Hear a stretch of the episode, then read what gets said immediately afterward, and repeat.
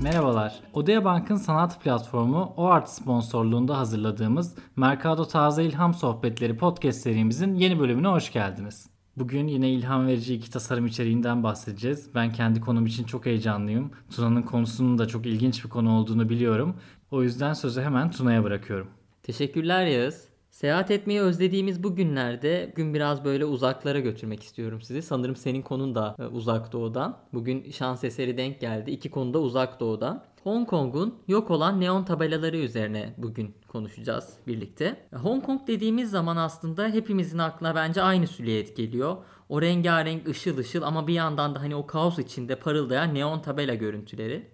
Neredeyse 100 yıldır Hong Kong sokaklarını göz kamaştırıcı bir ışık şölenine dönüştürüyor bu neon tabelalar. Ne yazık ki artık birer birer sökülüyorlar ve tamamen yok olma tehlikesiyle karşı karşıyalar. Biraz bunun üzerine konuşacağız. Neon tabela kültürü 1920'lerde başlamış şehirde. İşletmelerin hizmetlerinin reklamını yapmaları için aslında yenilikçi bir yol olarak o dönem bu neonun da bulunmasıyla birlikte şehirde hızla yaygınlaşmış. Tabi tüketim toplumunun da hızla gelişmesiyle 1950'lerde çılgınca popüler hale gelmiş. Eski İngiliz kolonisinin kalabalık sokaklarında dikkat çekmek isteyen işletmeler bir yarış haline girmiş ve her biri bir diğerinden daha büyük bir neon tabela yapmaya başlamış. Ve böylece aslında bizim o gözümüzde canlanan bundan bir 10 sene öncesinin o ışıl ışıl Çince neon karakterlerle dolu görünümüne kavuşmuş. Tabi günümüzde daha verimli ve dayanıklı olan LED ampullerin hayatımıza girmesiyle neon lamba üretimi neredeyse tamamen bitmiş durumda. Şehirdeki cam tüp atölyeleri kapanmış ve geriye yalnızca bir avuç zanaatkar kalmış.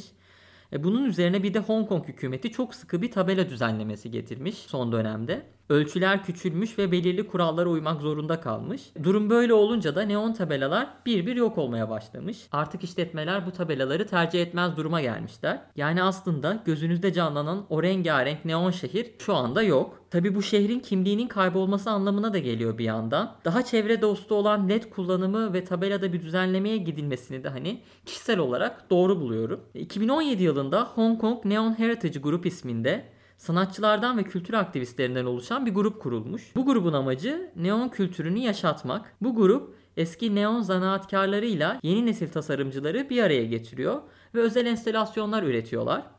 Ya fikir çok güzel ancak sürdürülebilirliği noktasında sıkıntılar var. Çünkü herhangi bir e, hükümet ya da özel sektör desteği almamışlar henüz. Kendi imkanlarıyla bunu sürdürmeye çalışıyorlar. Kentin görsel kimliği konusunda çok sıkıntılı ve zor bir durum. Bu konuda sen ne düşünüyorsun Yağız? Kesinlikle ilginç bir konu ve insanı da arada bırakıyor. Yani ben kendi adıma arada kaldım. Aklımıza canlanan o ışıklı, ışıl ışıl, gizemli uzak doğu imajını en çok sağlayan şeylerden biri bu neon tabelalar tabii ki. Onlarla dolu sokaklar. Ama artık günümüzde de geri dönülmez bir şekilde bilinçlendik bazı konularda. Bu tabii ki çok olumlu bir şey e, enerji tüketimi gibi, kaynakların kullanımı gibi. Ama tabii insan bu noktada arada kalıyor.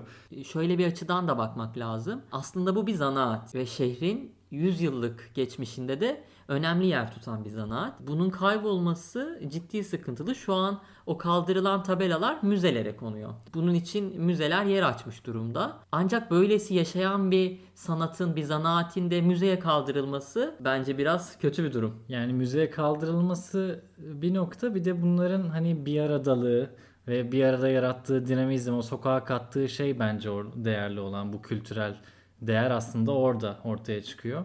E, tek başlarına o kadar fazla ifadeleri olmayabilir benim görüşüme göre. Onların bir arada olması orada değeri yaratan şey. Evet, eğer bizi dinleyip de Hong Kong'da yaşayan varsa aranızda bu konuda sizin de görüşlerinizi merak ediyoruz. Şu an şehir ne durumda? Ben özellikle onu merak ediyorum. Ben Hong Kong'a gitmedim daha önce.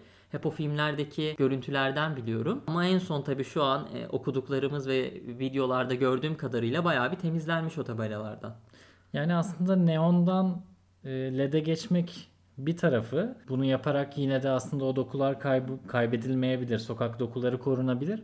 Ama tabi tabela regülasyonları ne düzeyde bilmiyorum. Birazcık görsellerini daha fazla incelemek istiyorum o yüzden merak ettim. Ee, çok tek tipleşmeye gidildiği noktada sürdürülebilir bir şekilde yani bu bilinçle orası dönüştürülebilirken tamamen kaybolmaya gitmiş de olabilir. Yine de bir şehrin görsel kimliğini kaybetme noktasında sıkıntılı bir durum. Bugünün ikinci konusu da uzak doğudan. Şans eseri denk geldi aslında ve benim çok sevdiğim bir konu. Ya sözü sana bırakıyorum halde. Teşekkür ederim.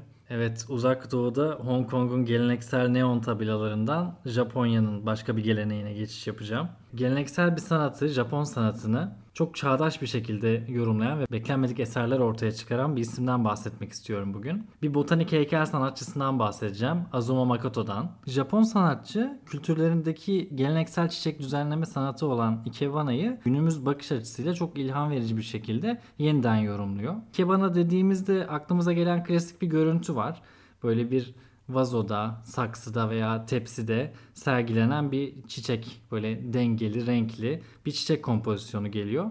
Ama Makoto'nun eserlerini düşünürken bunu aslında tamamen unutabilirsiniz. Çünkü bambaşka bir yorum. Sanatçı çiçekleri ve bitkileri alışılmışın çok dışında ortamlarda ve şekillerde sunuyor ve bu şekilde çok etkileyici işlere imza atıyor. Birazdan işlerinden tek tek bahsedeceğim. O zaman daha net şekillenecek aklınızda. Ama öncesinde biraz sanatçıdan ve bakış açısından bahsetmek istiyorum. Tokyo'da bir rock grubunun baş gitaristiyken botaniğe merak salmış ve kariyerinde büyük bir değişiklik yapmış Makoto. Zaten bence bu bilgi bile klasik kavramlara farklı yaklaşımı ile ilgili bir ipucu veriyor. İnsanoğlunun doğaya muhtaç olduğunu ancak doğanın insanlara ihtiyacı olmadan güçlü bir canlılıkla yaşadığını vurgulayan sanatçı Tüm eserlerinde de zaten yaşamın geçiciliğini sorguluyor.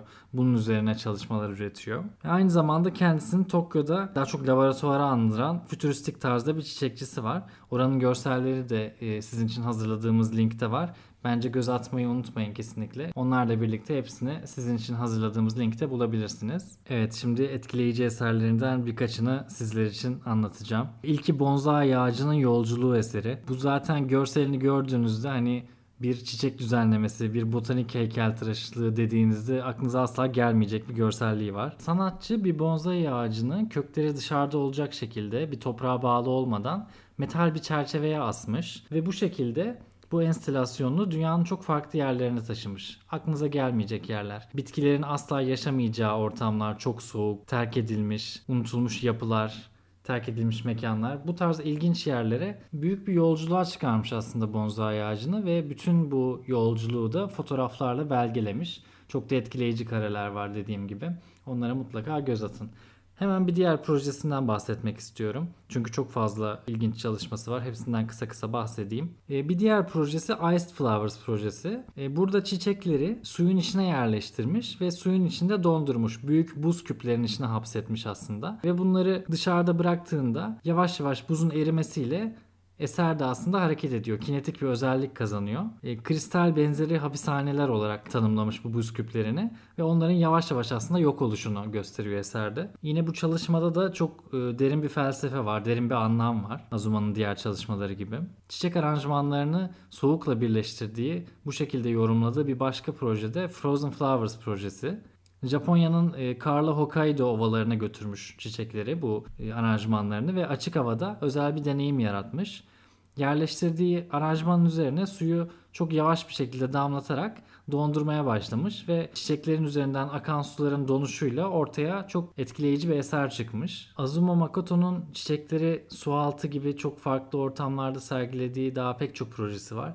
Hepsini incelemenizi tavsiye ederim. Gerçekten ilham veren ve ufuk açan projeler.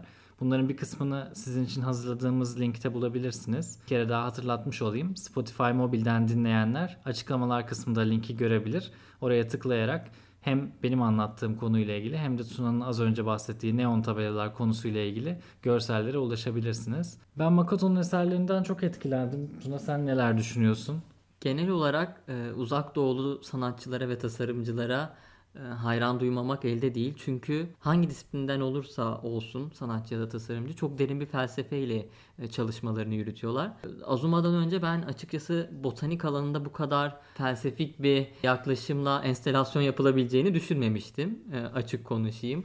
Senin de az önce bahsettiğin gibi yani bir bonsai alıp bonsai yaşamı temsil ediyor uzak doğu kültüründe, Japon kültüründe ve bonsai yaşamın olmadığı yerlere taşıyor, uzaya taşıyor. Mesela şey çok etkileyiciydi. Eski bir nükleer santralin e, içine taşımış bonsai'yi. Düşün nükleer bir santralin orada hiçbir canlının yaşama imkanı yok. Hiçbir canlı yaşamıyor ve dünyada yaşamın olmadığı bir yer ve onun aklına gelip buraya taşımış bonsai hani ve bunu yaşamı simgeleyen bonsai ile birleştirmiş yaşamın olmadığı yeri ve çok etkileyici. Ee, evet bonsai'nin bu Japon kültüründeki anlamını da belirtmen çok iyi oldu. E, bu şekilde bakıldığında da gerçekten e, daha özel bir anlam ifade ediyor bütün eserleri. Kesinlikle çok ilham verici. Bugün de şans eseri iki projede de Uzak Doğu'ya gittik. Açıkçası Uzak Doğu merakımı da Yağız'dan aldım. Yağız e, gerçek bir Uzak Doğu fanı. Özellikle hani Uzak Doğu romanlarının konusunda çok güzel önerileri var.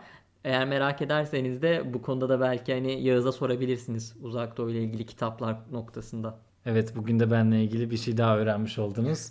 Ve bu bölümün de bu şekilde sonuna gelmiş olduk. Odea Bank'ın sanat platformu O Art sponsorluğunda hazırladığımız Mercado Taze İlham Sohbetleri podcast serimizin bir bölümün daha sonuna geldik. Sonraki hafta için güzel içerikler hazırlıyoruz. Bizi dinlemeyi unutmayın. Kendinize iyi bakın.